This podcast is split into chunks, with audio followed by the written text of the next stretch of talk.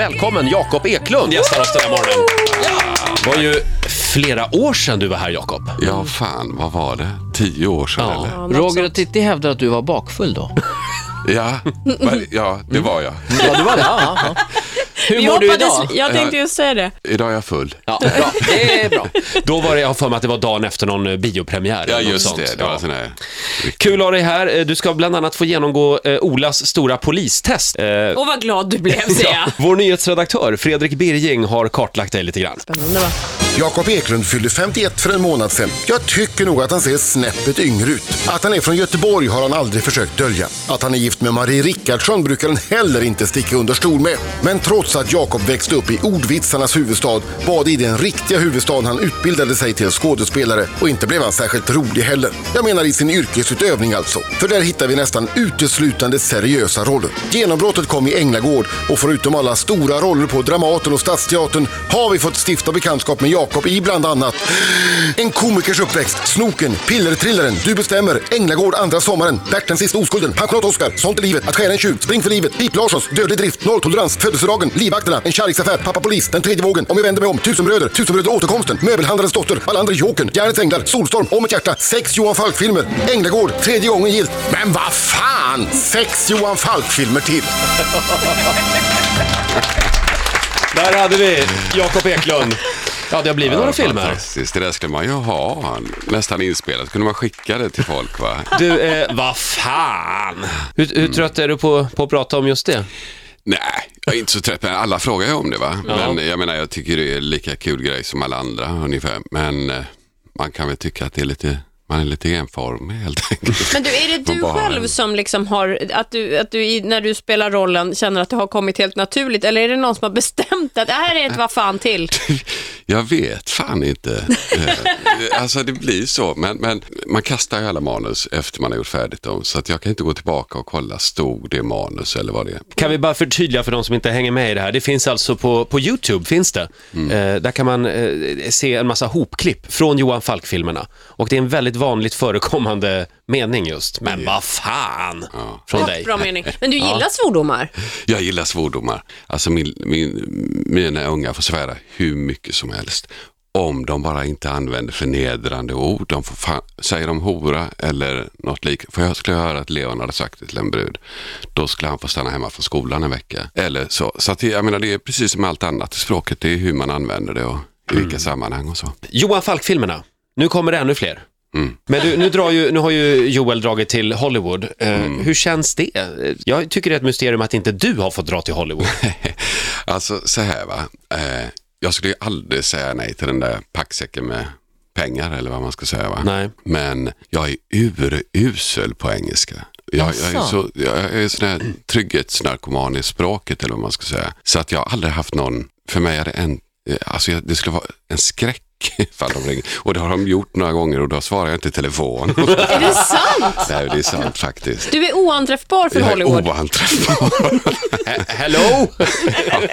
Ja, men då har det varit mesiga projekt också, va? så att det har inte varit några, det är inte Bond som har ringt och sånt. Nej. Men alltså det finns ju roller som skurkar och tvivelaktiga individer och sådär och de får ju inte du göra så ofta och där är det ju bra att ha en viss brytning. Ja, ja, ja, precis. Men din fru... Jag försöker uppmuntra här. Odla rapace är inte ett ord. Nej, Och precis. strubbel. Nej, du ser. Sånt kan man göra med. Men, men din fru Marie, hon har blivit uppringd av Hollywood. Och svaret? Ja, hon svarar.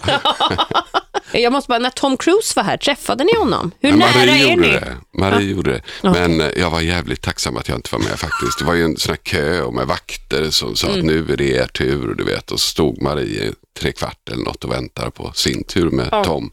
Mm. Och att jag skulle stå där som ett löjligt bihang då. Det, det Men, var så du, jävla du, var tur. aldrig, du var aldrig det minsta svartsjuk på Tom Cruise? Nej, jag, jag spelade ju Pete Larsson under tiden. Va? Ja, ja. Just det, jag det hade går ingen mitt på det nöd. torra. ja jag menar det. Skådespelaren Jakob Eklund eh, gästar oss den här morgonen, aktuell med sex nya eh, Johan Falk-filmer. Stämmer det att den här eh, karaktären, Frank Wagner, är en riktig infiltratör? Alltså, den den bygger på en verklig person. Ja, alltså att det bygger på en verklig person, Peter Etz då. Ha- Har du träffat honom? Ja. Men det här, och han lever tydligen under någon slags skyddad Ja, identitet. han lever ett förskräckligt liv får man ju säga.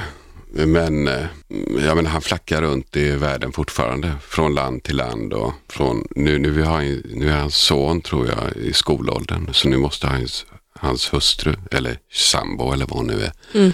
Hon måste ju stanna med sonen någonstans så att han får en någorlunda normal uppväxt medan Peter får fortsätta flacka runt. Då. Jag har hört dig prata om det här någonstans och eh, där fick jag intrycket av att du verkligen har den åsikten att han, om vi tar honom som ett exempel, inte får det, det stöd som han kanske var utlovad och borde få.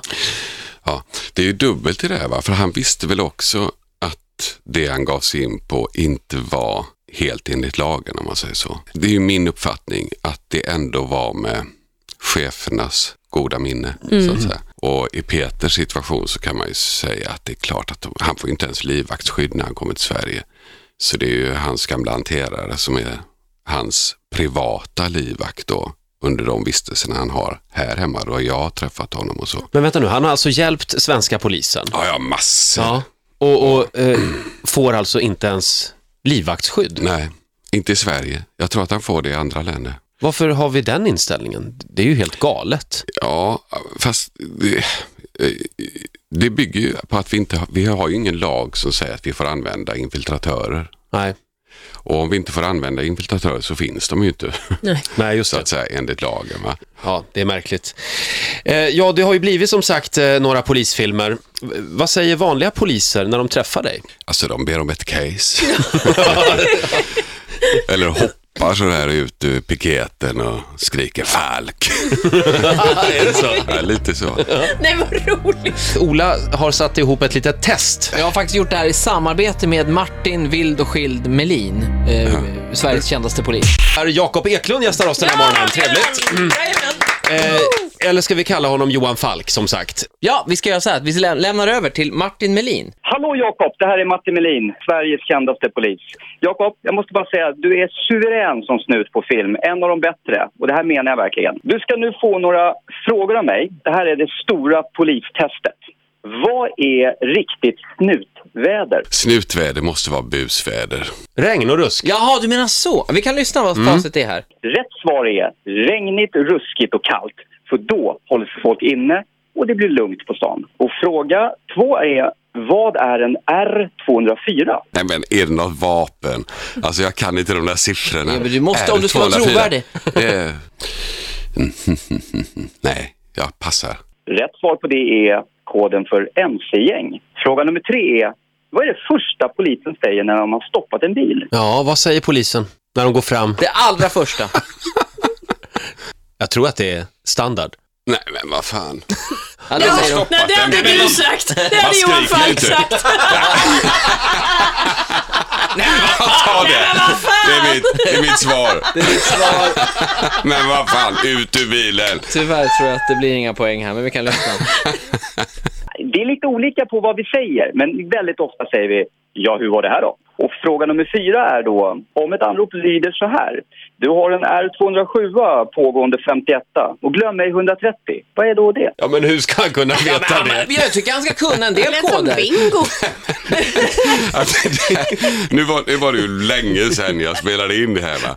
Men Skyll på det är det. väl att det är lunch Ja, och lunch kan det ses vara. vi på Kvarnen. Ja, ja, du har ett svar i alla fall. Det är bra. Vi kan lyssna. Här.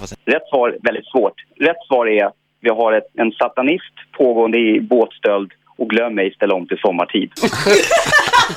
Det var nästan rätt. De har alltså en kod för glöm mig, ställa om till sommartid. Jakob, lova oss en sak.